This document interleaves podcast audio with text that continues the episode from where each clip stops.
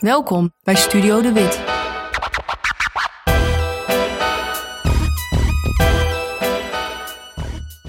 Oh, het is hier. We zijn, we zijn ver. We zijn te ver. Ja.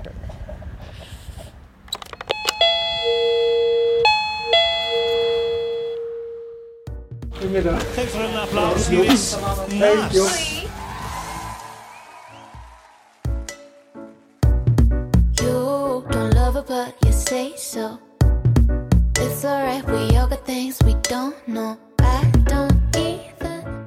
We zijn voor deze aflevering in Rotterdam voor een interview met Naas, de meest veelbelovende jonge Nederlandse popartiest van dit moment. Ze heeft een internationaal platencontract, bracht tot nu toe een handvol catchy singles uit, won begin dit jaar beste nieuwkomer bij de Edisons en moest als meisje in een Koerdisch gezin haar vrijheid wat actiever veroveren dan de meeste van haar leeftijdsgenoten.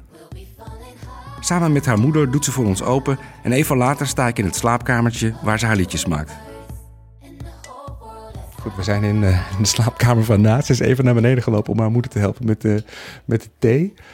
Het is een kamertje van, dat zal het zijn, 5 bij 2,5. Echt niet meer. Gordijnen zijn dicht. De Edison staat op de vensterbank. Edison Pop 2018, nieuwkomer Naas. Gisteravond was een bijzondere avond voor Naas. Ze won niet alleen de prijs voor beste nieuwkomer, maar ook voor beste videoclip.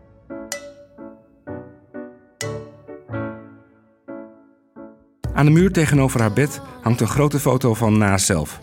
Ze staat met een glas in haar hand en lacht naar de camera. De foto is genomen in de studio van Soul Searching, de producers waar Naas al een paar jaar mee samenwerkt. De studio brandde een tijdje geleden af en de foto geldt als aandenken aan die tijd. Maar het meisje op de foto lijkt bijna iemand anders dan de persoon die nu tegenover me zit. Hier deed ik echt zo hard mijn best. ja, ik draag ook zeg maar soms tijdens optredens ook geen make-up meer of zo. En dan kijk ik naar foto's en denk ik, oeh, oeh, het ziet er niet zo heel goed uit. En tegelijkertijd denk ik ook weer van, ah, oké. Omdat ik het ergens ook wel goed vind om er dan zo uit te zien. En wat denk je nu als je naar die foto kijkt? Nou, als, je, als je dat meisje ziet? Wat Ik zou je haar willen zeggen? Ik vind, ik vind het eigenlijk best wel puur hier. Ik vind mezelf eigenlijk niet, helemaal niet meer zo... Ja, op zich ook wel, maar hier was ik lekker naïef. Hier was ik lekker lief. Hier dacht ik van, ah, leven mooi. Oh, ja, nou, oh, oké. eh, als mensen je pijn, dan ligt het allemaal aan jou. Maar nu heb ik gewoon zoiets van, luister dan. Ik, als ik iets fout heb gedaan, dan zeg ik het gewoon. It's on me. Maar als iemand iets verkeerds heeft gedaan, dan kom ik gewoon voor mezelf op. Dan zeg ik het gewoon. En, en ja, het is gewoon don't mess with me. Het is wel een soort van, ik heb nu wel een beetje die mentaliteit ontwikkeld. En hier was het nog zo van, oh, ze bedoelt hij het niet. En nee, mensen zijn echt niet zo naar naast. En wees niet zo bitter. En ik ben nu helemaal niet bitter. Ik sta nu gewoon sterk in mijn schoenen, denk ik. Had je toen al wel het idee dat je eh, op een pad zat ergens naartoe? Ehm, Naar dit? Waar je nu staat bijvoorbeeld? Nee, niet zozeer. Maar ook, ik maakte hele andere muziek. Echt heel anders. En Hier in dit kamertje waar we nu zijn. nee, ik maakte eigenlijk toen nog niet echt muziek in mijn kamer. Het begon in mijn kamer. En toen kreeg ik dus studiomogelijkheden. En toen ging ik ook echt twee jaar voornamelijk in de studio zitten. En daarna pas ging ik weer terug naar mijn kamer. Dus soms als, als ik daar ook naar terugkijk, dat ik dan denk... oh, best wel dom van mij dat ik dacht dat ik zo afhankelijk was van studio's... en afhankelijk moeten zijn van andere mensen om muziek te kunnen maken. Terwijl alles om je heen is muziek. Alleen dat ik nu al praat, er zit een bepaalde melodie in, in de manier hoe ik spreek. Dat is ook gewoon een liedje, maar gewoon een super abstract nummer. Het is gewoon geen popnummer. En dat, daar moest je achter komen. Ja. Door eh, de, juist de hele professionele kant op te zoeken. Nou, ja, precies. Inderdaad, ik, ik moest eerst soort zien hoe het is om de meer traditionele kant op te gaan. Van oké, je wil muziek maken, cool. Doe dan een studio sessie met een producer. Ga met andere schrijvers zitten. En neem wat liedjes op daar. En dan ga je naar huis en that's it. En op een gegeven moment, eh, toen was ik klaar met de middelbare school. Maar toen was ik niet aangenomen voor mijn studie. Wat ik natuurlijk super nice vond. Want ik dacht, nice, ik- heb een jaar om mezelf te kunnen bewijzen. Waar had je je voor aangemeld? Psychologie. Hier eh, Ehm, in Rotterdam? Nee, Amsterdam. Ook een beetje expres.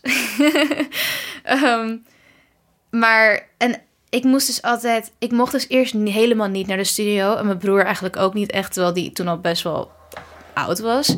Ehm, maar op een gegeven moment was het een soort ding van... Oké, je mag naar de studio, maar alleen als je broer meegaat. Dus toen heeft ook twee jaar lang mijn broer echt zoveel tijd gespendeerd aan met mij naar de studio gaan. Gewoon heen, blijven met me en dan weer terug. Soms denk ik echt, heb je die bijbaantjes alleen maar genomen om geld te verdienen... om al die parkeerkosten van Amsterdam te betalen bijvoorbeeld. Uh, en, en, en, op een gegeven moment gingen we dus heel vaak naar de studio. En, en, maar toen had ik een tussenjaar en toen had ik geen school meer. Dus heel veel vrije tijd. En mijn broer had wel nog school. Dus ik kon niet meer altijd naar de studio gaan. En dan hebben we het nu over 2016 of 15? Nee, dit is vorig jaar. Dit is echt minder dan een jaar terug. Oké. Ja, het is echt best wel snel gegaan allemaal. Um, toen, toen kon hij dus niet meer altijd mee naar de studio. En toen zat ik gewoon heel vaak thuis soort te denken van... oh, ik heb maar, ik heb maar één jaar. Ik heb maar één jaar om dit te doen. Terwijl helemaal niet waar is. Je hebt een lifetime. Maar zo voelde het wel. Het, voelde echt als een soort matter of life or death. Zo van, of ik spendeer mijn hele leven op school...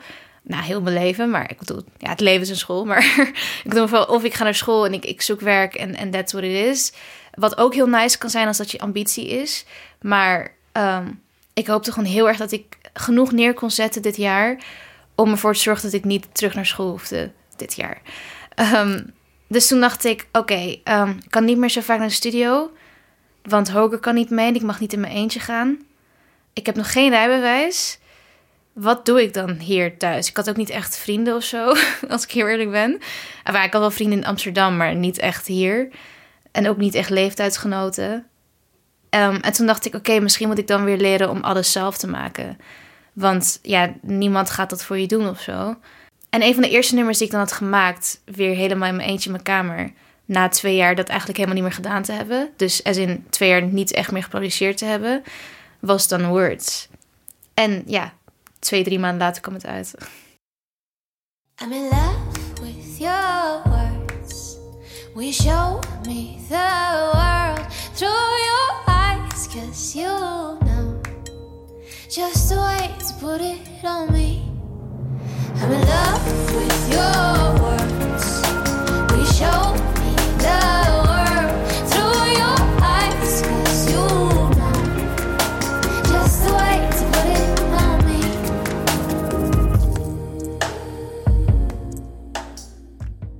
Kunnen we nog iets, iets verder teruggaan? De eerste keer dat we van je hoorden was. Uh, niet dat ik naar die show in de tijd keek, was die tv-show, uh, uh, yeah. Hollands Got Talent. Mm -hmm. Met het zelfgeschreven nummer Who I Am staat ze vanavond opnieuw klaar om mensen te inspireren en te raken. Geef er een applaus. Hier is Naas. Hoe oud was je toen, toen je daarvoor inschreef? 15. Maar, maar het, het draaide pas toen ik 16 was. Oké. En jij dacht, dit is de, de manier voor mij om vooruit te komen? Nee, nee. Um, dit is een beetje het verhaal van waarom ik daar mee heb gedaan. Um, toen er tijd was er nog niet de vrijheid voor mij om muziek te doen. Uh, en ik dacht bij mezelf, soms zijn mensen minder bang voor iets als ze er iets in kunnen herkennen. En mijn ouders keken gewoon tv en die zagen talentenshows.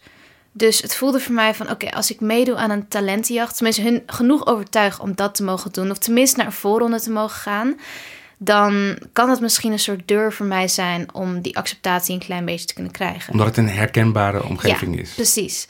Uh, maar ik wilde niet aan de voice meedoen, want ik zie mezelf gewoon nog steeds niet echt als een zangeres. Ik zing, maar ja, ik zing gewoon. Maar Hoe lang niet... zing je al? Ik zing heel mijn leven al, dat wel dan weer. Maar het is niet, ik ben niet echt die persoon die soort denkt van... oh, nu ga ik zingen, oh, wat leuk. Of dat ik denk oh, ik ga nu even een andermans nummer zingen. Je hebt nooit eh, jezelf voor de schoolmusical aangemeld? Dat wel, dat wel, maar puur omdat het muziek was. Ik dacht, kan ik eigenlijk muziek doen. Maar ik heb altijd een soort ding gehad van... Ik vond het nooit leuk om andermans liedjes te zingen... want ik deed het niet per se om te zingen. Ik deed het om te creëren. Um, en niet dat als je iets alleen zingt... dat je dan niet aan het creëren bent. Maar voor mij voelde het wel... Ik voel me ten alle tijden meer een maker van muziek... dan echt per se een performer van muziek. Waardoor ik het mezelf ook niet super erg kwalijk neem of zo... als ik op het gebied van performen en zo nog niet zo ver ben. Um, ik dan denk van ja, maar dat is gewoon niet wat ik in mijn aard ben, maar wel wat ik kan ontwikkelen in mezelf. En daar ook, dat vind ik ook leuk om te doen. Dacht je daar toen al 15-jarige leeftijd zo over na? Ja, ik heb wel altijd heel erg issues gehad met denken van oké, ik vind muziek heel leuk en ik vind muziek maken heel leuk. Maar ik vind eigenlijk dat is het enige wat ik leuk vind. Zo van, ik vind de muziekindustrie niet echt iets wat ik zoek. En iets, een vraag die mij echt soort best wel helemaal like mess me up in my mind, is beroemd worden. Dat vind ik echt een soort ding, daar ben ik echt soort best wel bang voor altijd. Het is gewoon, ik heb bijna heel mijn leven voornamelijk in mijn kamer in mijn eentje gespendeerd. Dus om heel veel aandacht te krijgen, ik kan er heel goed mee omgaan, vind ik wel. Het komt niet echt over alsof ik het niet, niet per se voel of zo. Ehm, ik kan het wel handelen, maar dat is meer omdat ik zoveel tijd met mezelf heb gespendeerd dat ik gewoon heel goed kan zelf reflecteren over hoe ik met bepaalde situaties om moet gaan. Maar ehm, het is wel altijd een ding voor me geweest. Want ik weet bijvoorbeeld op de middelbare school, toen was in de tweede klas of zo. En ik was, ik was echt een gepest meisje. Het was echt een soort ding gewoon. Ik was gewoon naast en, en, en een soort emo girl. Zag er heel weird uit. En en praat niet veel en wordt gewoon gepest door een groep meisjes. Naas nam het op voor een meisje uit haar klas dat gepest werd, waardoor Naas het volgende slachtoffer werd. Dat gepest duurde jaren, zonder dat ze haar ouders erover vertelde. Drie jaar lang, drieënhalf jaar lang was, ik, was het echt gewoon best wel intens. Het was, het was wel echt zwaar voor mij. Dus ik werd ook steeds stiller, steeds stiller, steeds meer in mezelf, steeds meer gesloten. Maar muziek maken was wel nog steeds iets wat ik altijd al deed. Ik was toen ook echt een hustler. Ik ging altijd soort liedjes maken, online gooien, proberen te promoten met mensen. Zo dat deed ik echt altijd al. Ja, waar zette je dat op? Ja, op mijn YouTube. Het staat nog steeds op, maar dan privé. maar uh, en, en, wat er toen gebeurde was. Um, ik moet heel veel in mijn mind. Kijk naar mijn train of thoughts waar we waren. Wat wilde ik vertellen? Oh ja, oké. Okay. Beroemdheid. Ja dit gaat terug naar dit verhaal. Dus toen had ik een optreden gegeven bij een kerstviering van mijn school. Want elke kans wat ik kreeg om iets met muziek te doen, moest ik gewoon grijpen. Schoolmusical, schooloptredentjes. En het was ook bij mijn school was het soort ding van... als je bij de kerstviering of de paasviering ging zingen... werd je voor gewoon het hele, heel het jaar gepest. Omdat gewoon iedereen lacht je uit en niemand neemt het serieus. En niemand wil daar zijn. Zij willen gewoon vakantie. Het zijn de eerste paar uren voor de vakantie. Weet je, niemand heeft daar interesse in. Maar ik ging naar de zingen en er werd super goed op gereageerd. En Ook door de meisjes die jou. Nee, dat niet. Die oh. vonden dat verschrikkelijk. um, maar voor de rest, dus een soort van. Ineens was ik een super populair meisje op school en kende iedereen mijn naam en werd ik soort overal gegroet. Maar dat vond ik zo verschrikkelijk dat ik toen echt na een soort een maand dat ben ik gewoon had ik gewoon besloten om niet meer door de schoolgangen te lopen als ik dat niet hoef te doen. En niet meer in de aula te zitten tijdens de pauzes, maar gewoon met mijn beste vriendin samen of in mijn eentje op de tweede verdieping van de school waar niemand is te zitten en daar gewoon te eten en rustig een boekje te lezen of weg te gaan of zo, of een liedje te schrijven. Maar ik wilde niet meer met mensen zijn. En dat vonden mensen ook super raar. Van waarom, waarom ben je, je je fans? Nou, niet echt per se, helemaal niet. Nee, ik vond het gewoon ik heb ook een soort sense of energy. En ik had, ik had toen heel weinig vertrouwen in mensen. En ik had ook zoiets van: ja, jullie mogen me helemaal niet. Uh, wat over twee weken zijn jullie me weer vergeten. En dan gaan jullie weer allemaal heel gemeen tegen me doen. En zo, zo dat was meestal mijn mentaliteit door de tijd. Maar um, dat was dus het eerste punt. Dat ik heel veel aandacht kreeg. En dat ik, er, dat ik toen wegging omdat er heel veel aandacht was. Tweede punt was Holland's Got Talent. Toen kreeg ik ook ineens heel veel aandacht weer. Maar ook heel veel op social media. Um, en dat vond ik ook niet leuk. En ik waardeerde het heel erg. Ik kon echt soort heel erg waarderen dat mensen zo aardig tegen me deden. En, en, dat, en die love naar, aan me gaven. Maar ik zelf had gewoon zoiets van: nee, nee, nee, dat is niet, dat is niet voor mij. Dat is niet voor mij. En toen was ik ook soort heel erg afwezig. Terwijl heel veel mensen, sorry, die daaraan meedoen, juist daaraan meedoen om beroemd te worden. Ja. Meer dan dat ze artiest of zangeres of... Ja, maar dat is ook waarom ik mijn eigen liedjes speelde daar. En het waren ook mijn eigen producties, mijn eigen schrijven. Als ik nu terugkijk, denk ik echt, oeh, oeh, geen goede liedjes. Maar als ik denk aan dat ik 16 was en het allemaal zelf had gemaakt, denk ik wel van, nou, wel respect dat je dat durft of zo. Zeker. Ik, ik, kijk ook altijd naar mezelf van vroeger een beetje op het gebied van e-, echt een soort perspectief van derde persoon. Ik heb ook zeg maar als ik naar foto's als de foto op mijn muur van mezelf van twee, drie jaar terug kijk, dan zeg ik ook zij en haar. Ik zeg nooit van ik. Want het voelt niet alsof ik dat ben. Het voelt, het voelt echt compleet, een compleet ander mens. Het voelt, ik kan gewoon niet meer die connectie voelen of zo. Wow. Maar als ik dan die foto daar zo zie, wat gewoon van mm, een maand terug of zo, denk ik, oh ja, kijk, dat ben ik. Maar ja, anything else hier. Je bent jezelf geworden. Ja, ja, maar het- zeg maar wat ik een paar jaar terug was, ik heb er geen schaamte voor helemaal niet. Ik ben er super trots op.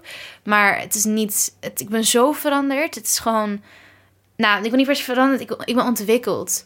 Maar toen was ik misschien nog minder mezelf dan dat ik op dat moment kon zijn of zo. Ehm, dus ja, ik, ik zeg maar, als ik dan over deze soort dingen praat, dan voelt het ook een beetje alsof ik over iemand anders aan het praten ben. Daarom ben ik ook best wel open in, want het voelt gewoon een beetje van, oh ja, en dat meisje die ging dan dus bij Hollands Got Talent zingen.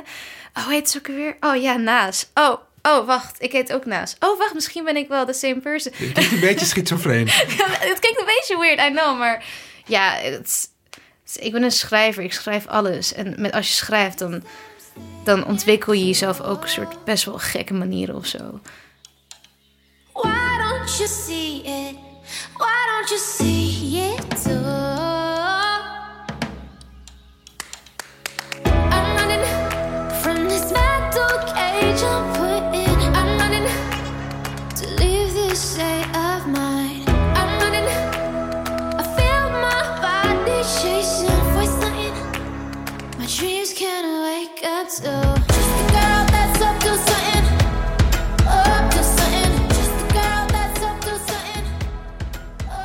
Was jij heel erg fan van iemand of van een band? Of nog steeds? Ja, ik ben van heel veel mensen fan. Ik ben heel erg een fan. Ik ben super fan-achtig. Ik was ook bij de Edisons zo fan dat, dat ik... Ja, gewoon, ik heb geen schaamte in fan zijn. Dat, ik, is- dat is ook waar ik Lovely Love een beetje over geschreven heb. Van durf gewoon hard op te houden van. Denk niet van, oh, sh, niet zo hard blij doen, want dan doe je te blij. Nee, je kan nooit te blij doen. Gooi die ego weg. Als jij iemand vet vindt, dan is diegene gewoon vet, toch? Die verdient dat toch ook om te horen? Ik ben op Extins afgestapt om hem persoonlijk te feliciteren Right? met zijn oeuvreprijs. Goed zo. Nice. En jij? Ik heb echt zo hard geschreeuwd voor bepaalde artiesten. Oké, dus Thomas Azier. Ik heb gewoon letterlijk super hard geschreeuwd. Thomas Azier! Wow! ik ben Ronnie Flex. Heb ik gewoon keihard zitten dansen en schreeuwen. En, je verdient het, Ronnie, je verdient het. Bij, ja, weet je, een soort van ook... eh, toen Linde Schöne werd genoemd, gewoon zo keihard van... Wow, Linde! weet je, echt soort... En het zijn niet echt per se mijn vrienden of zo, maar het is gewoon een soort ding van... Ja, ik heb ook soms dat dan doet een andere artiest niet zo heel aardig tegen me. Ik ga geen namen noemen. Maar eh, dan doet diegene gewoon best wel naar tegen me. En dan ben ik nog steeds soort mad love naar diegene aan het gooien. Een soort, soort aan het schreeuwen als diegene een Edison wint of zo. En dan zegt mijn broer tegen me van... Ja, maar, maar zij was toch best wel gemeen tegen jou de vorige keer? Of hij was best... Ja, maar hij zei toch best wel lullige dingen over jou daar? Whatever, man. Ik vind zijn of haar muziek heel vet. En dat hij of zij mij niet vet vindt, maakt geen verschil in het feit dat ik diegene wel gewoon tof vind. Misschien vind ik die persoon qua persoon niet de allertofste persoon, maar ik vind wel zijn werk heel vet. En misschien heb je hem op een slechte dag getroffen. Ja, maar oké, ja, maar dat, ja. ik bedoel, ja, als iemand je niet tof vindt, dan vindt diegene je gewoon niet tof. Maar dat moet niet mijn mening eh, beïnvloeden. Ben je altijd zo enthousiast en positief? Kun je het altijd elke dag opbrengen? Nee, helemaal niet. Nee, ik ben eigenlijk best wel. eh, nou, ik, vind het, ik vind het moeilijk om dit te zeggen, want niemand gelooft mij. Niemand gelooft mij behalve mijn eigen vrienden, want die zijn met mij. Maar soort in interviews en zo. En dan soms probeer ik het naar boven te brengen. En dan is het, wordt het eigenlijk een beetje weggeschreven of zo. Omdat het gewoon volgens mij niet realistisch overkomt. Maar dat ik gewoon eigenlijk. Kijk, er is een reden waarom ik zoveel dingen zo uitgebreid kan vertellen. Omdat ik er heel veel over nagedacht heb. En je denkt er veel over na, omdat je het zoekt. Je zoekt het op. Je zoekt dat gevoel op. En ik denk dat waarom ik vaak zo heel positief en enthousiast overkom, is omdat ik dat heel erg zoek in mijn life of zo. Die, die positiviteit en die enthousiasme. Want, en nu vind ik het weird om te zeggen, want op dit moment ben ik best wel een high of my life. Niet door de Edisons, ook door de Edisons, maar meer door de emotionele dingen daaromheen.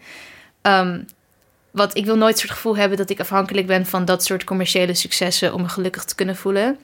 Het is echt meer soort, als ik nu denk aan de dingen die me gelukkig maken, denk ik gewoon van, oh my god, I love my friends. Ik was gisteren met vrienden en ik dacht, oh, ik hou zoveel van ze. Want ik kreeg net een beetje de indruk dat je helemaal geen vrienden had, maar dat klopt dus niet. Oh nee, dat was vroeger. dat was zij. Dat was zij, ja. Een paar jaar geleden. Nee, ik, ik was toen best wel. Ik ben heel erg, ik ben heel erg op mezelf. Ehm, maar toen zei, had ik ook. Ik, ik was heel erg in mijn kamer vaak alleen.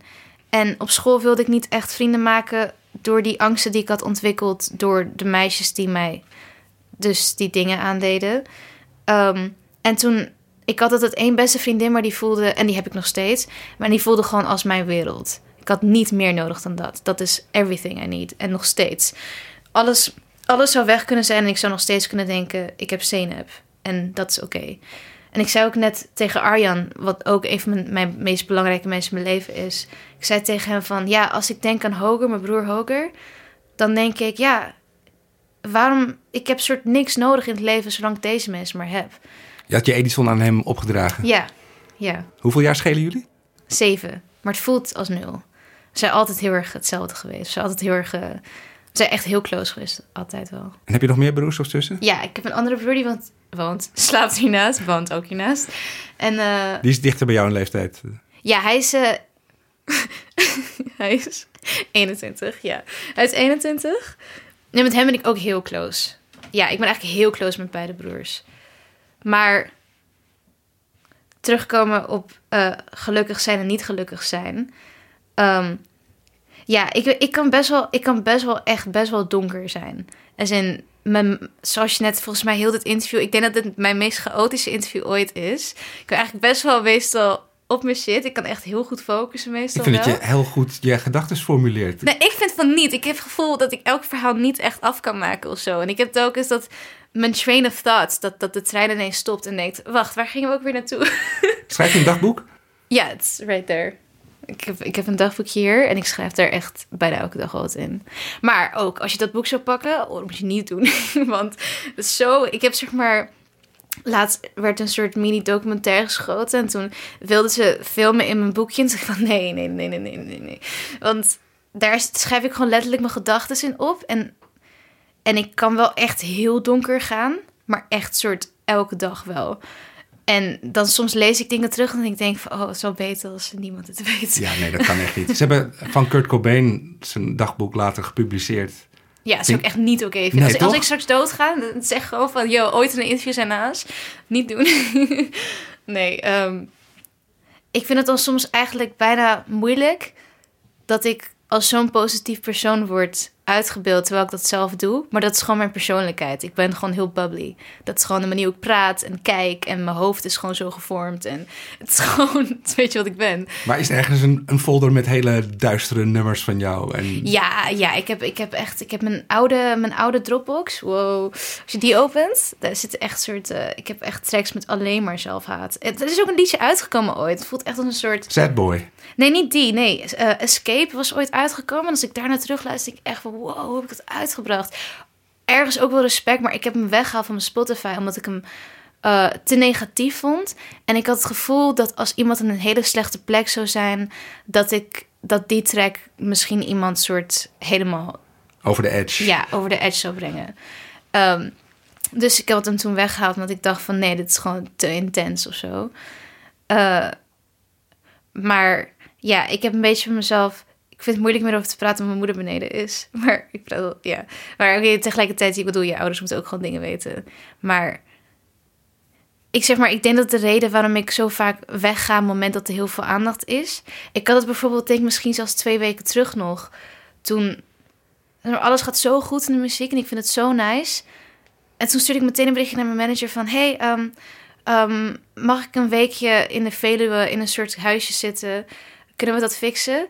En hij zei van, oh, oké, eh, is alles oké? En ik zei, ja, ik moet gewoon even een week alleen zijn. Toen zei van, oh, oké, are you sure you're fine? En ik zei van, ja, nee, ik ben echt fijn, maar ik moet gewoon een soort... Ik moet gewoon heel veel weg of zo. Ik moet even...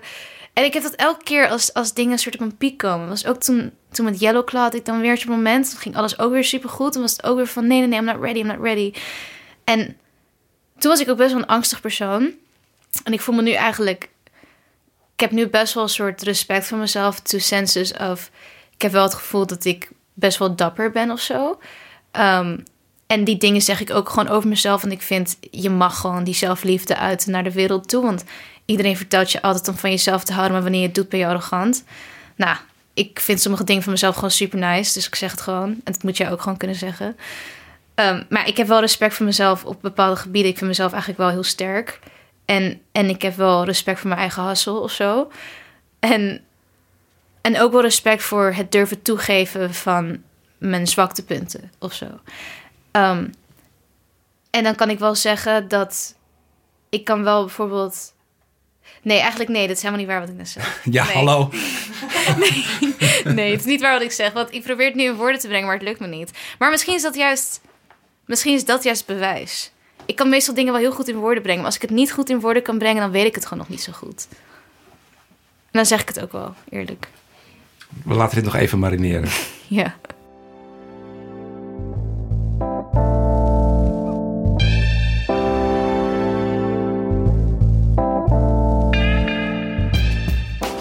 Waar komt jouw muzikale vorming eigenlijk vandaan? Was het een radioprogramma waar je naar luisterde? Of was het je oude broer die jouw artiesten eh, voerde? Of een vriendin? Of... Ja, ehm, nou, oké, dus ik vond het altijd super nice om muziek te luisteren. En nog steeds. Ik luister altijd muziek. Maar Ja, maar muziek. in mijn tijd... nee, Dat kan, dat kan traditionele Koerdische muziek zijn of, of heavy metal. Ja, ja, precies. Maar het, het was oké, dus het, het, het lag dus zo. Ehm, mijn broers die gingen altijd gewoon muziek downloaden. Maar ik was toen echt nog heel jong. Ehm, en ik wilde gewoon muziek luisteren. En het boeide me echt niet wat het was. Ik wilde gewoon muziek luisteren. Dus alles, ik wist niet hoe ik muziek moest downloaden, maar ik wist wel hoe ik muziek op mijn mp3-spelertje kon zetten. Dus ik ging altijd gewoon op mijn broers computer en ik ging gewoon alle nieuwe albums wat hij had gedownload gewoon op mijn, op mijn mp3's gooien en ik ging gewoon luisteren. En op die manier ben ik heel erg opgegroeid met Stiekem of dat ze- wisten er wel Nee, dat van? wisten ze wel, ja, ja. Soms deden ze het ook voor me. Ehm, En het was allemaal wel geschikt voor eh, jonge meisjes. nou, weet ik niet. Nee, nee, nee, eh, nee. Ik luisterde eigenlijk heel veel naar Eminem. Want mijn broer was super obsessed met Eminem. Echt madly obsessed. Ehm, en ik luisterde veel naar One Republic. Daar was ik echt soort geobsedeerd door. Nog steeds. Ik denk dat sinds mijn negende luister ik tot en met nu elk jaar wel een soort één maand lang One Republic. Gewoon standaard. Eh, terwijl als ik nu luister vind ik het allemaal niet eens meer zo vet. Maar het heeft een soort nostalgiegevoel wat het opbrengt bij me. Ehm, en een soort dankbaarheid wat ik er naartoe heb voor hoeveel het mij emotioneel heeft geholpen. Ehm, en, en we luisterden ook veel naar Oasis en naar Linkin Park en naar Red Hot Chili Peppers. Eigenlijk een beetje dat soort artiesten. Eh, en ik denk dat ik eigenlijk pas vanaf mijn twaalfde mijn eigen muziek ging opzoeken. Dus dat ik gewoon echt liedjes ging luisteren die ik zelf had gevonden en die ik zelf leuk vond. Ehm, En waar kwam je toen uit? Ja, eigenlijk op hele standaard kleine meisjesdingen. Christina Aguilera. ehm, nou, het is niet per se kleine meisjesdingen. Maar het is wel gewoon, als je zingt, wil je net als haar kunnen zingen. In het begin. Wanneer je nog niet echt je identiteit hebt gevonden, dan wil je gewoon heel goed kunnen zingen. Dus jij zat hier beautiful te zingen. Ja, ik zat hier super vaak beautiful te zingen. Van, ja, toen ik mijn eerste puistjes van I am beautiful. Gewoon meteen vanaf het begin al. Maar ik luisterde veel daarnaar. En ik, ehm, ik denk dat ik eigenlijk gewoon zo'n kind was die naar alles luisterde wat gewoon in de charts stond toen de tijd. Ehm, en toen kwam Tovlo. Toen werd ik heel geobsedeerd door haar. En toen kwam Lord. Ik weet niet wie eerder kwam. Maar zij, Lord en Tovlo, zijn wel in het begin waren zij wel soort de major aspects in my life. Ehm, wat sprak je zo aan in, in hun? ze waren zo cool. En het is echt, eigenlijk vind ik het heel stom niet te zeggen, want het is wel, ja, wat, wat is cool? Maar toen de tijd, ik kreeg echt een soort chills of. Ik een soort kippenvel van hoe stoer zij waren. Ehm, en ja, je zit wel gewoon de middelbare school en je wilt wel stoer zijn, je wilt wel cool zijn. You want to fit in with the crowd. Maar zij waren cool zonder hetzelfde te zijn zoals iedereen.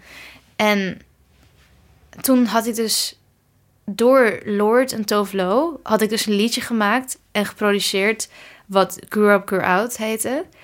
En dat nummer was wel heel erg beïnvloed door hun. Maar als ik nu terugluister, hoor ik dat niet echt per se. Maar wel zodat ik weet van, door hun heb ik dat nummer gemaakt. En dat liedje heeft me dan weer bij Soul Searching gebracht. Dus heel vaak, ik ben echt een super dankbaar persoon. En ik kan soort in ieder mens iets vinden waardoor ik nu ben waar ik ben bijvoorbeeld. Dus en op to a sense of gewoon letterlijk. Dus of het nou heel goed met je gaat of heel slecht met je gaat. Dit is waar je nu bent. En dat komt ook door elke kleine factor in je leven. En dan denk ik van ja, als Lord niet dat muziek had gemaakt en uitgebracht, dan had ik misschien Arjan nooit gekend. En dan had ik nooit dit leven gehad. Niet eens per se muzikaal gezien, maar gewoon ook met mijn familie. Dat het nu zo anders is allemaal. En dat kan een soort best wel een soort helemaal een soort gekke wor, wormhole, I don't know, rabbit hole. Ik weet het niet. Maar een soort dat je gewoon helemaal super diep gaat nadenken van, oh en door haar komt dit en door hem komt dit en en die persoon had ooit dat nummer uitgebracht en daardoor ging ik dit doen. En het is allemaal een soort, niet letterlijk dat, dat, dat ik dan hun na ging doen. Het was nooit een geval van nadoen, maar meer een geval van geïnspireerd zijn. En nadat ik Group Out had gemaakt, leerde ik Arjan kennen. En eigenlijk sindsdien ben ik heel erg beïnvloed door de muziek wat hij mij stuurt. Eigenlijk heeft hij mij best wel heel erg gestuurd door, door gewoon liedjes te sturen en mij te vertellen om daarnaar te luisteren. En waar hebben we het dan over? Wat voor artiesten? Ehm, van Arjen moest ik veel naar hip-hop luisteren, omdat ik dan goed naar de swing kon luisteren en naar de producties en, ehm, en naar het minimalisme ervan, eh, de, de, de lyrics, ehm, maar ook naar de timing en flow.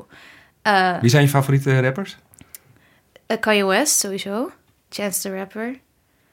Maar voor de rest, eigenlijk zijn er heel veel rappers die ik heel vet vind. Alleen ik luister altijd gewoon een soort playlist en ik kijk niet naar de naam. Ik ben gewoon de reden dat artiesten slecht gaan nowadays. Dus ook zo van, soms denk ik ook van, ja, ik heb miljoenen streams, maar niet iedereen weet wie ik ben. Heb jij ooit van je eigen geld een compactdisc gekocht? Een wat?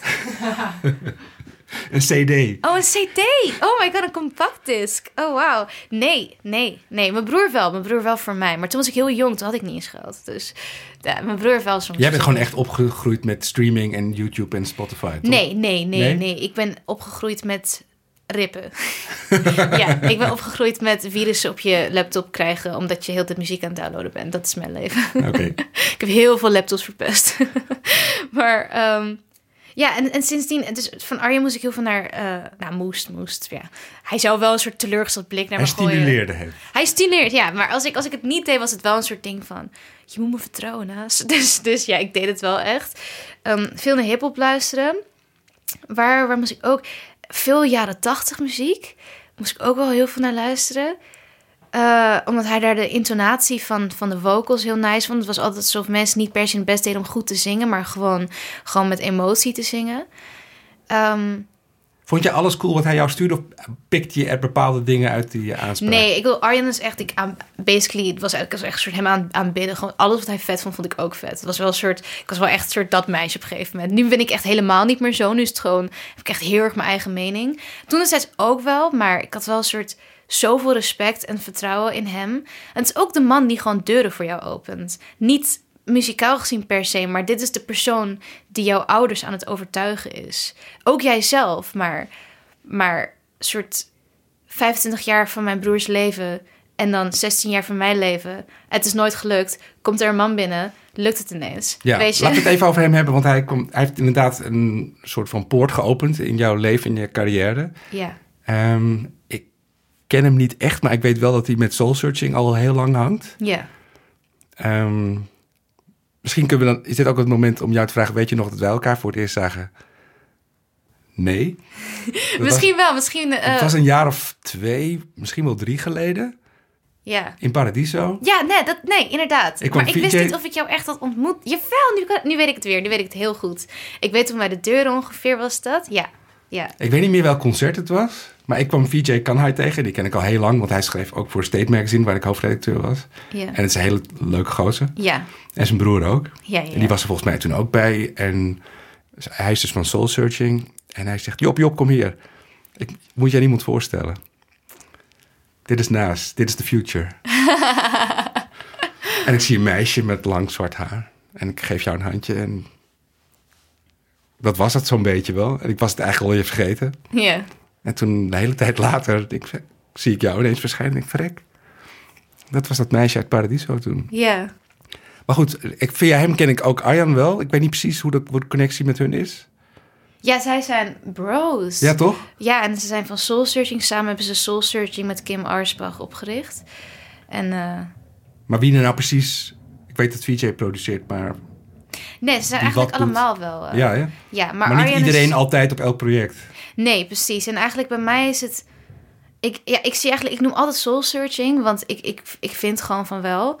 Zeg maar, als ik een track bijvoorbeeld helemaal in mijn eentje heb gemaakt... heb ik nog steeds iets van... Ja, maar het is ook mijn soul searching. Het voelt gewoon voor mij altijd als een soort ding van... Ja, maar zonder naas. eh, Zeg maar, zonder hun geen naas of zo. En Arjan, zijn naam klinkt natuurlijk super Hollands, maar hij is ook, Hij is Koerdisch. Ja, ook Arjen Koerdisch. En hij zag jou op televisie? Nee, nee, dat was eigenlijk voor die tijd. Ehm, eh, dus, dus, dus er was een vrouw en die wilde een, een project starten waar een track werd gemaakt om awareness te creëren voor wat er met de Koerden aan de hand was. Want toen de tijd begon ISIS op te komen. Dus toen had ze Arjan gevonden. En een, een Koerdische rapper, Rega heette hij. Heet hij. en, en toen had ze, zeg maar, door mijn mad zelfpromotie op Twitter... zo van, check mijn muziek, check mijn muziek. En iedereen mailen wat ik... Wat, ook iemand rest ik kon vinden, stuurde ik altijd wel mijn liedjes op. Had zij dus mijn muziek gevonden en had ze het doorgestuurd naar Arjan.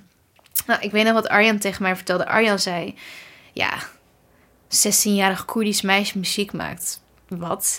Dus, dus hij had ook soort, soort dat toen hij het ging checken, was een soort tussendoor zo van ja, laat ik even maar even kijken wat fuck dit nou weer is. En toen checkte hij het dus en, en toen was hij soort. Nou, het is wel raar om het over jezelf te zeggen, maar oké, dit, is, dit is toen, dit is vroeger. Dus ik, ik, ik herhaal nu gewoon wat hij zei. Of dat hij soort een beetje blown away was van, oh, ze het zelf geproduceerd, zelf geschreven, zelf artwork gemaakt.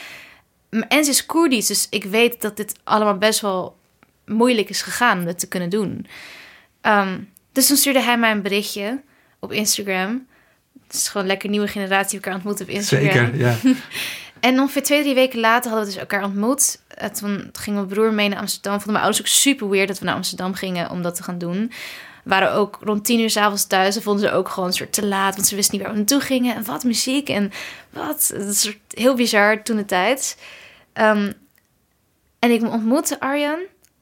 En, en zeg maar, in die periode volgde ik een soort therapie, maar dan bij mijn docent op school. Uh, ik had een docent Engels en die gaf mij soort elke paar weken gingen we gewoon een paar uurtjes met elkaar praten. En toen ging ik soort vet hard huilen. En hij ging me soort helpen. En hij zei altijd tegen mij van... Ja, je moet gewoon iemand vinden die een beetje begrijpt waar jij vandaan komt. Ik zie, maar hoe ga ik ooit iemand vinden met mijn ambities? Met eenzelfde soort achtergrond? Het voelde echt voor mij als onmogelijk. Het voelde echt als een soort another world thing.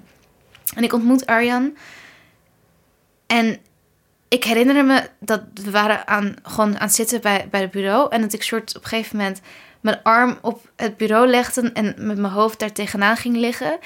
En dat ik toen ineens dacht van, wow, je bent wel heel comfortabel. Wow, je, je kent deze persoon echt pas net.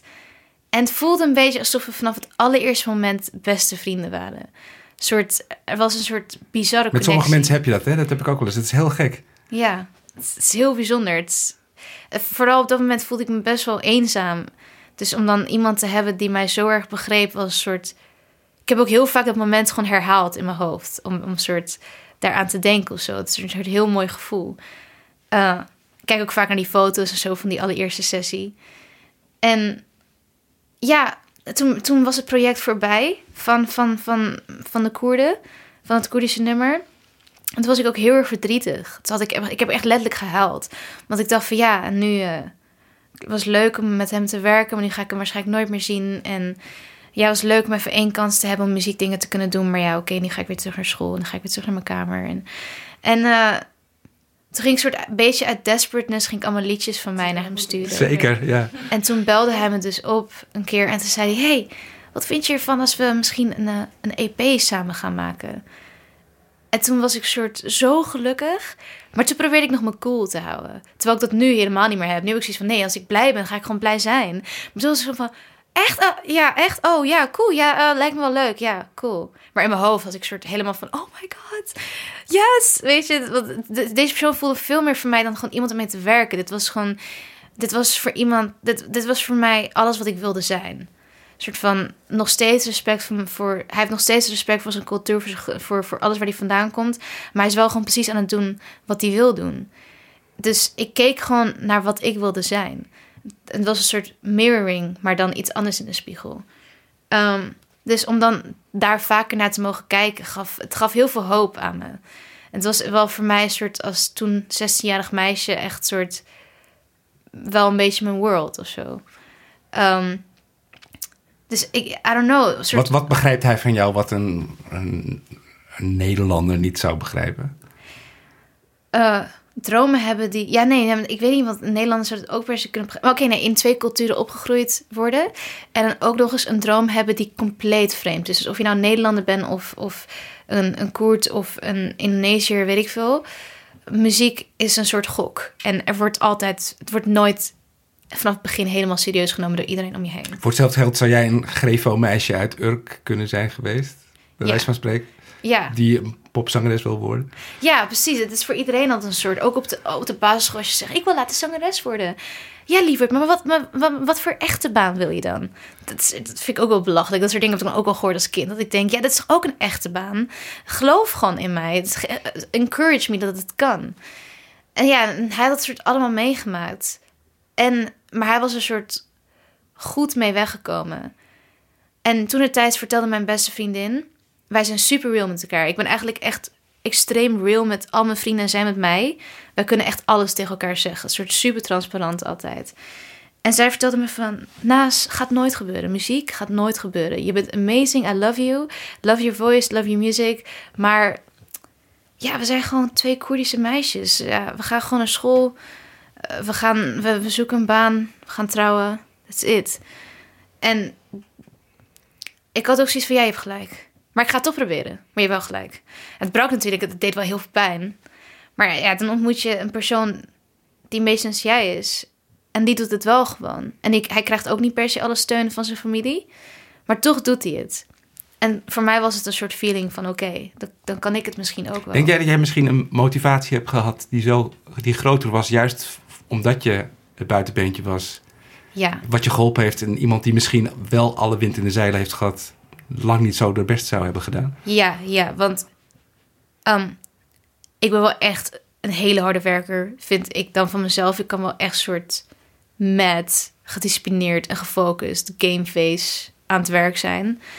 Ehm, en ik weet dan bijvoorbeeld wel het feit dat ik mezelf heb leren produceren, mezelf heb leren opnemen, mezelf ehm, instrumenten heb leren bespelen, mezelf heb leren zingen. Natuurlijk niet allemaal helemaal door mezelf. Arjen heeft me uiteindelijk met dingen geholpen. Mijn broers hebben me ook geholpen met dingen. Maar voornamelijk was het wel gewoon on my own in my room uit eigen initiatief deze dingen doen. En ik weet niet zozeer of dat er geweest zou zijn als ik echt alle vrijheid zou hebben.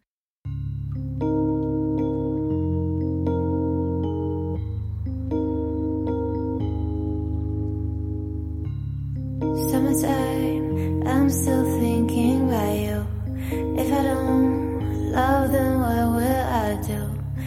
do? Here, but not coming through.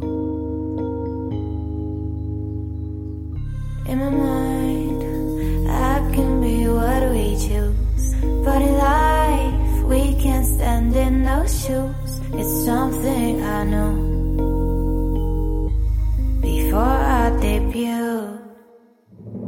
We can't be together.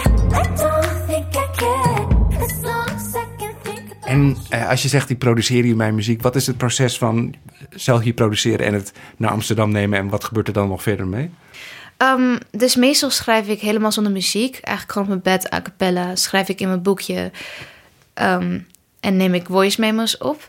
En dan verzin ik in mijn hoofd een soort productie. En dan ga ik dat proberen uit te voeren. En dat doe ik dan...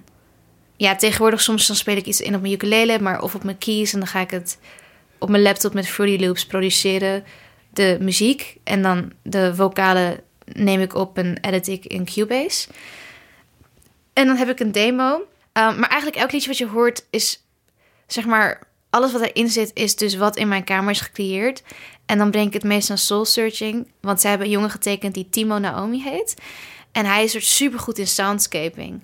En zij helpen dus mij om dan het liedje Sony's... Sony's? Ja, sonically. Sonically op een soort level te brengen. Want eigenlijk mijn nummers... ehm, zijn best wel simpel geproduceerd allemaal. Het is heel heel simpel allemaal. Daar hou ik heel erg van. Ik hou heel erg van niet te veel nadenken. Gewoon doen wat er in je gevoel opkomt. Probeer niet diep te zijn of zo. Dus je bent diep genoeg als je gewoon jezelf bent of zo. Ehm, en, dan, en dan eigenlijk is een demo vooraf iets ruwer. En als ik het dan een soul searching breng, wordt het best wel nice gemixt en iets meer gelijmd aan elkaar.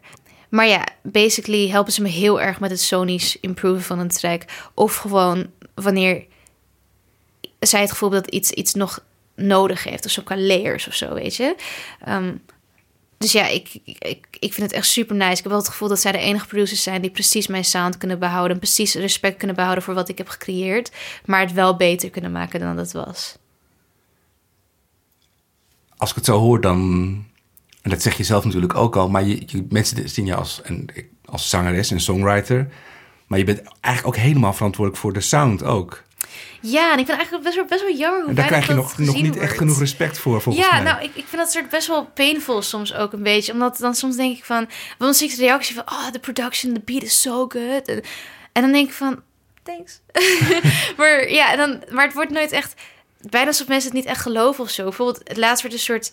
ehm docu gemaakt over mij. En, eh, en toen... Soort, ik was een week lang met die guy... En al die tijd, ondanks dat het gewoon best wel vaak genoemd werd, wist hij nog steeds niet dat ik een producer was. En toen was hij dus in kamer en hij vond een van mijn nummers super vet. Dus hij vroeg van, oh, kan je misschien niet dat nummer gewoon op dit moment ter plekke gaan maken? Want dan kan ik dat filmen. Ik zei, oh, cool. Het was ik dus aan het doen. Zei hij van, wow, eh, maar doe je dat ook? En ik zei, ja, ik Ja, heb deze productie duh. gemaakt. en ze van, wat heb je? En ik van, ja, ik heb deze productie echt gemaakt. En dan is het echt zo'n ding van... Ik denk dat soms ook een soort meisjesding is of zo. Ik was ooit in een muziekwinkel. En, en toen vroeg, stelde ik gewoon een aantal vragen over een paar apparatuur. En toen gingen ze een soort bijna grappen over me maken van... Oh, wat schattig, wat schattig, wat lief dat ze dat wil kopen. Liever, dat heb je echt niet nodig hoor. Ehm, jawel, want ik maak dit en dit, dus ik heb dat wel nodig. Ja, maar schat, heb je ooit van een eh, equalizer gehoord? Oh nee. Gewoon letterlijk. Serieus. Ik kom dan een soort met een super intelligent antwoord van... Inderdaad, en dan haal ik die eh, frequenties weg en dan doe ik dat en dit. Een soort nerd talk, weet je. En hij keek me zo aan van... Wow, voor een meisje weet je het best wel goed. Dit zijn je letterlijke citaten. Letterlijk, gewoon letterlijk voor een meisje is het best wel goed. En toen gingen ze dus googlen. En toen hadden ze words gehoord. En toen zei hij van, oh, maar wie heeft dit geproduceerd dan? Ze van, ja, ik. En dan Soul Searching. En, oh. Maar ja, maar voornamelijk Soul Searching, toch? Van, nee, ik kan je gewoon letterlijk de demo laten horen. Like, waarom geloof je me niet? Is het omdat ik jong ben? Is het omdat ik een meisje ben? En het is best wel lastig, want tegelijkertijd, je wil niet zeggen... ik heb het geproduceerd, want dat is ook een beetje weird. Ehm, maar je vindt het ook wel jammer als het gewoon niet gezien wordt of zo. Ja, maar ik las één- Ik zet zoveel tijd erin. Of ook. twee jaar geleden een interview met Björk. Toch een van de meest vermaarde vrouwelijke artiesten van de afgelopen 40, 30 jaar. Ja. En zij krijgt ook niet de credits als producer. Nog Nee. steeds niet. Nee, en, Mensen denken dat andere mensen dat voor haar doen. Ja, precies. En soms is dat... Ik weet niet, het kan een soort best wel... Kan best wel hurt zijn of zo. Om, bijvoorbeeld nu is Loving Love uit. En ik zag dan best wel veel reacties die het hebben over de productie. En vind ik zo nice om te lezen. En ik denk van, oh, thanks, thanks man. En, eh, en dan soort van heb ik toch zoiets van, ja... En toch denken mensen dat ik gewoon alleen maar zing. En dan denk ik van, oh, heb ik soort zoveel liefde en tijd gestoken in, in alles. En dan is het toch een soort dingetje van, oh, je such a good singer. En ik vind, ja, maar praat ook een keer over al die andere dingen toch? En dan, maar ja, weet je, het is niet per se dat ik soort dat moet horen van mensen of zo, maar ik vind het gewoon meer jammer dat er gedaan wordt alsof het niet zo is of zo. Eh, Zou het helpen als je een muziekinstrument speelt op het podium als je optreedt? Ehm, ja, maar ik bedoel, dat maakt je niet per se een producer, toch? Ik bedoel, als je als stel, ik speel bijvoorbeeld ukulele dan. Maar ik zit nu wel aan te denken om eh drumpads te gaan doen live. Ehm, maar niet om mensen iets te bewijzen. Gewoon puur omdat ik leuk Oh ja, als ik naar je, naar je nummers luister en, het, en de teksten volg, ehm, dan denk ik soms, het zou een liefdesliedje kunnen zijn, maar het zou het ook niet kunnen zijn. Ja, Dat vond ik heel, hier zit zo'n soort van ambiguïteit in, ja. die ik wel bijzonder vond. doe ik ook expres, moet ik eerlijk zeggen. In het begin was het omdat ik soms verliefd werd, maar dat, dat ik niet wilde dat mijn ouders dat wisten. Dus dan zou ik het soort in zou proberen te verpakken met een andere betekenis. Een soort van, oké, dan kan ik nog steeds mijn gevoelens uiten, maar dan kan ik het liedje alsnog uitbrengen. Ehm, toen maakte ik best wel veel liefdesliedjes mijn ouders hadden daar niet echt een reactie op. Dus dan dacht ik, oh, oké, dan mag het wel. Oké, cool, dan doe ik het. Ehm, maar ik heb heel vaak, ik geloof heel erg in abstracte kunst. Dat, dat iedereen iets anders kan horen en zien in iets. En ik vind dat wel leuk in muziek. Dat, dat, je, elke persoon een compleet andere interpretatie erbij kan hebben. Ehm, en voor mij is de bron van alles liefde. Ik geloof dat elk klein dingetje komt uit een liefde voor iets of iemand. En dus ook bepaalde, bijvoorbeeld Can't. Dat is in een vorm van een liefdesliedje. Maar dat gaat eigenlijk meer over eh, dat je heel graag iets wil bereiken, maar denkt dat, dat, dat je dat niet kunt bereiken of niet kunt krijgen. Je zingt in dat nummer, eh, Maybe I'm not as real as I think. Ja. Ja, dat is, eh, maar dat is een gedachte die ik heel vaak heb. At night I only sleep through my blinks. Zo van, ik doe alleen mijn ogen dicht als ik knipper. Ehm, het is wel echt een soort van, als ik alleen ben in de nacht, of eigenlijk alleen ben in het algemeen, dan wordt alles soort heel anders voor me. En dan, en dan word ik soort heel onzeker ineens. En dan weet ik ineens niet meer wat echt is en niet echt is. En dan is het soort super weird. En ik heb dat eigenlijk best wel vaak gewoon soort niet echt zeker weten. Ik kan, ik, ik kom altijd heel erg, tenminste denk ik, heel erg well spoken over of zo. In interviews tenminste. Omdat ik wel het gevoel heb dat ik over heel veel zaken heel veel kan zeggen.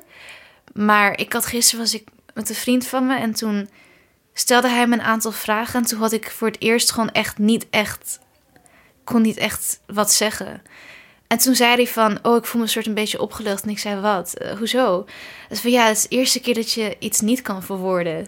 Dus dit is je eerste zwaktepunt, dat wat hij kon vinden. Ik zei van, oh, inderdaad, ja, ik vond het eigenlijk wel moeilijk dat je deze vraag aan me stelt. En ik kan me eigenlijk niet zo heel goed meer herinneren waar het over ging trouwens. Maar Heb je het idee dat je in je songteksten voor jezelf in ieder geval heel duidelijk iets verwoordt wat misschien voor ons wat eh, vager ja. is? Ja, ik heb heel vaak het gevoel, zoveel als mensen mijn liedjes niet snappen, dat ik denk, hoe dan? Hoezo snap je het niet? Het is Ja. gewoon obvious, toch?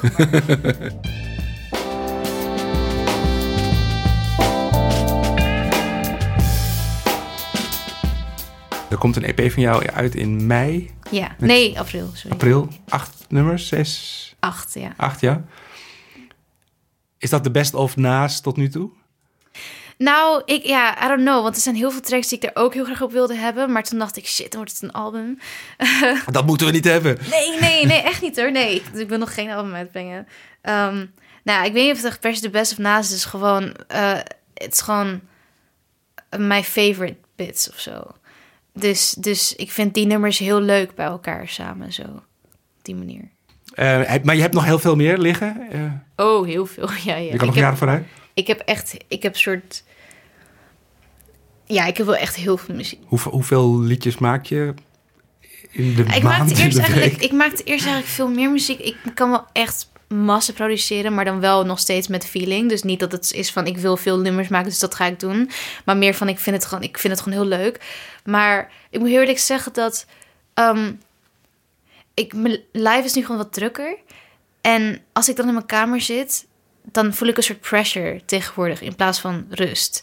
Dus nu ben ik heel erg op zoek naar een studio, omdat ik ja, het is gewoon soort, ik word wakker en ik denk, oh shit, ik moet zoveel dingen doen. En het soort ik haal niet meer dezelfde inspiratie er meer uit. Dus heel vaak maak ik ook muziek nu gewoon, dan ga ik naar een parkje of zo. Of, of ga ik ergens anders naartoe. Of gewoon letterlijk in mijn auto zitten of zo. Maar gewoon niet, niet altijd meer in mijn kamer. Ehm, Is het niet ook gewoon tijd voor jou om op kamers of op jezelf te gaan wonen?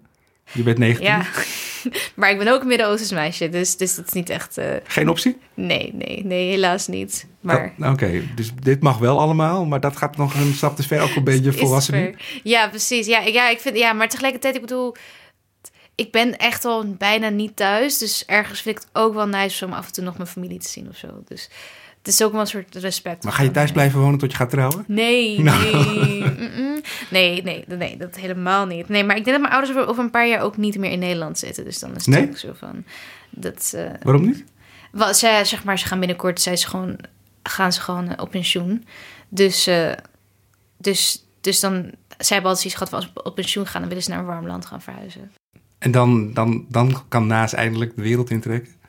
Nou, ik, ik moet eerlijk zeggen, eh, omdat we nu best wel vaak naar het buitenland gaan, heb ik, voel ik echt een beetje alsof ik nu soort wel echt die independent life aan het leiden ben. Een soort gewoon niet thuis slapen, zo een soort altijd met vrienden zijn en ja, voor, voor mij voelt het wel heel bijzonder. Zie je jezelf een stap maken om in Londen te gaan zitten of in New York of in L.A.? Nee, ik wil echt niet verhuizen naar een ander land. Ik vind Nederland helemaal awesome. Ik vind het echt verschrikkelijk wanneer artiesten soort doen alsof ze in een ander land moeten wonen omdat ze het anders niet kunnen maken. We wonen gewoon in een internetgeneratie, jongens, alles kan. Maar oké, ik geloof gewoon niet, ook niet in die mentaliteit van ik moet internationaal gaan. Nee, het is gewoon de wereld is één groot stuk land en wij hebben ervoor gekozen om dat aparte stukjes land te maken wat van de ene persoon van de andere persoon is. Dus ik hoef echt helemaal niet internationaal te gaan. Ik wil gewoon mensen bereiken met mijn muziek. Je wordt wel internationaal gepromoot, toch? Door Universal. Ja, maar dat komt ook omdat ik... ehm, ik ben dus internationaal... Zeg maar, mijn Nederlands gedeelte zit dan gewoon in Nederland... maar internationaal ligt in Duitsland. Dus ik ben dus voor de helft getekend in Duitsland en voor de helft in Nederland. En dan, zij doen dat dus de rest van de wereld. Dus een beetje dat, ja. Het kan heel snel gaan tegenwoordig. Als je bijvoorbeeld naar Lord keek, of wie het hadden. Dat nummer van haar, Royals, had ze op Soundcloud gezet. Ergens in oktober of zo. En in januari werd het er opgepikt. En in, de zomer was het een wereldhit. Ja, bizar.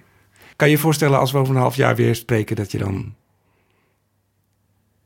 in een heel andere situatie weer terecht bent gekomen? Nou, ik wil eigenlijk heel eerlijk zeggen dat... ehm, kijk, Lord was al getekend toen. Ja. En ehm, er zijn bepaalde strategieën die je platenmaatschappij met je aan kan gaan. Waardoor dingen of heel snel kunnen gaan of heel traag kunnen gaan. Werkt niet altijd, maar het kan wel werken.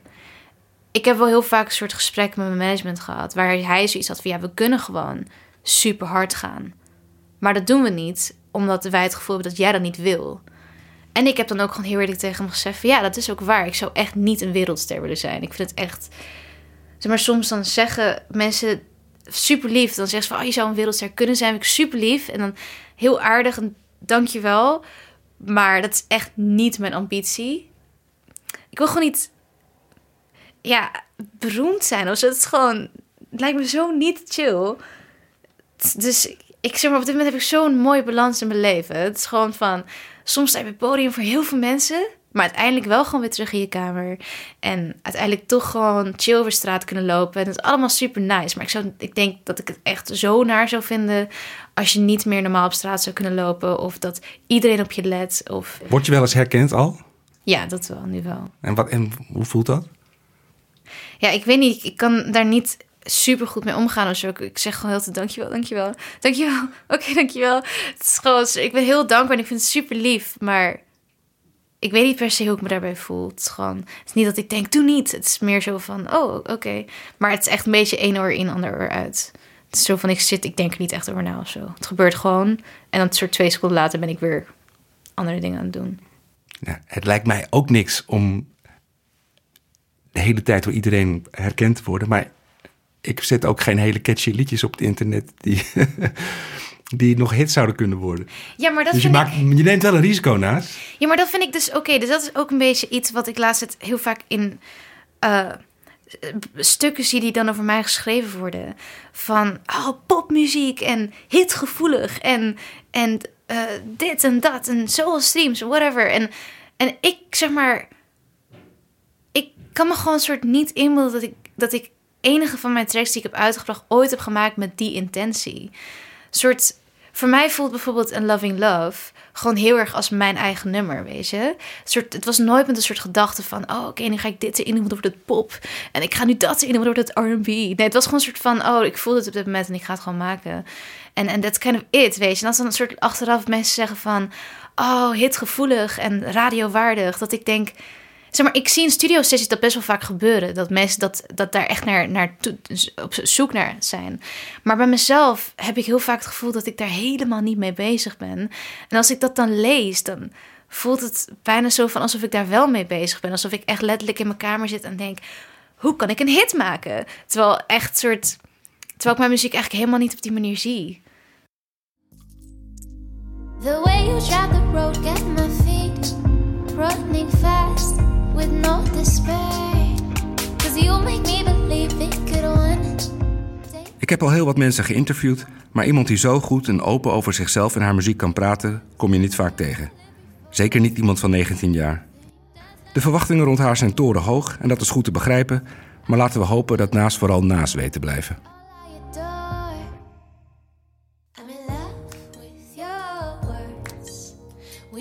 Ik hoor jou zo praten, van ik wil niet veel meer beroemd, veel beroemder worden dan, dan dit, zeg maar. Of het is niet mijn ambitie om... Ik wil wel dat mijn muziek beroemd wordt, maar niet ik. ja, Per se. Ja, maar, tegelijkertijd hallo. wil ik wel heel vaak interviews doen omdat ik dingen wil zeggen. Maar dat kan gewoon niet. En ik, ik, Daarom! Ik, ik, ik, ik kan me, ik zie me zo, ik ken die mensen niet, eh, jouw platenbaas eh, voor, eh, voor me.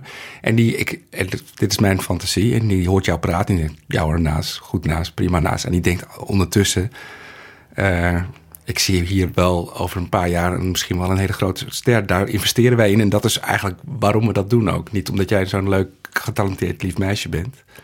Dat ben je ook waarschijnlijk wel. Maar voor hun is het ook een idee van hier gaan wij geld aan verdienen. En dat is prima. Ja.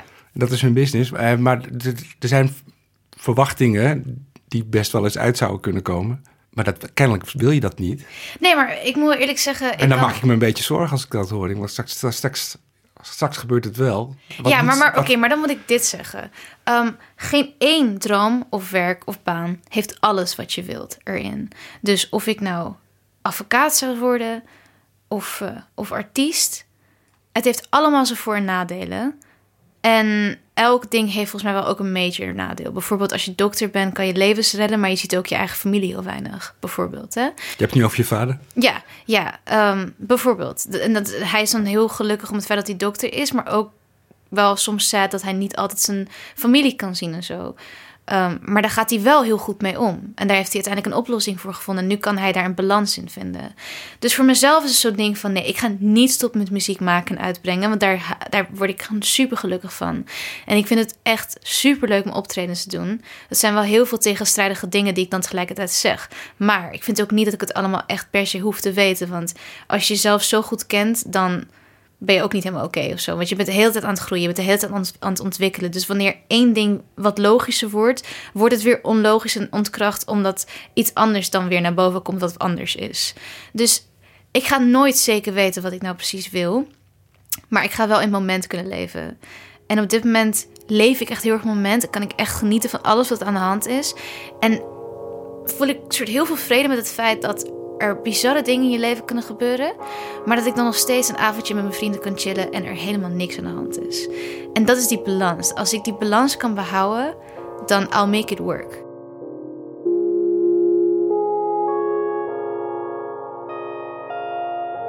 Ook als ik schrijf, schrijf ik voor mezelf van vroeger. En het helpt me heel erg. Dus dan soms denk ik, er zijn mensen die in mijn positie zitten van toen. En die kunnen dan even naar hun future self kijken of zo. Of een, of pot- potentiële toekomst. Net zoals dat ik superveel kracht kreeg van mijn potentiële toekomst zien in Arjan. Hoop ik heel erg dat andere mensen dat in mij zouden kunnen zien. En dat hun een soort sense of hoop kan geven. Amen. Amen.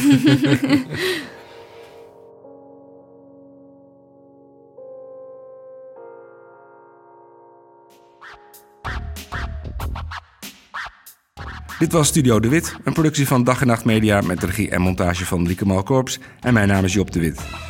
Abonneer om voortaan niets meer te missen. Laat een leuke review of rating achter op iTunes. En vergeet niet dat we ook op Spotify te horen zijn. Tot de volgende keer en dan ben ik in gesprek met Faber. Tot dan!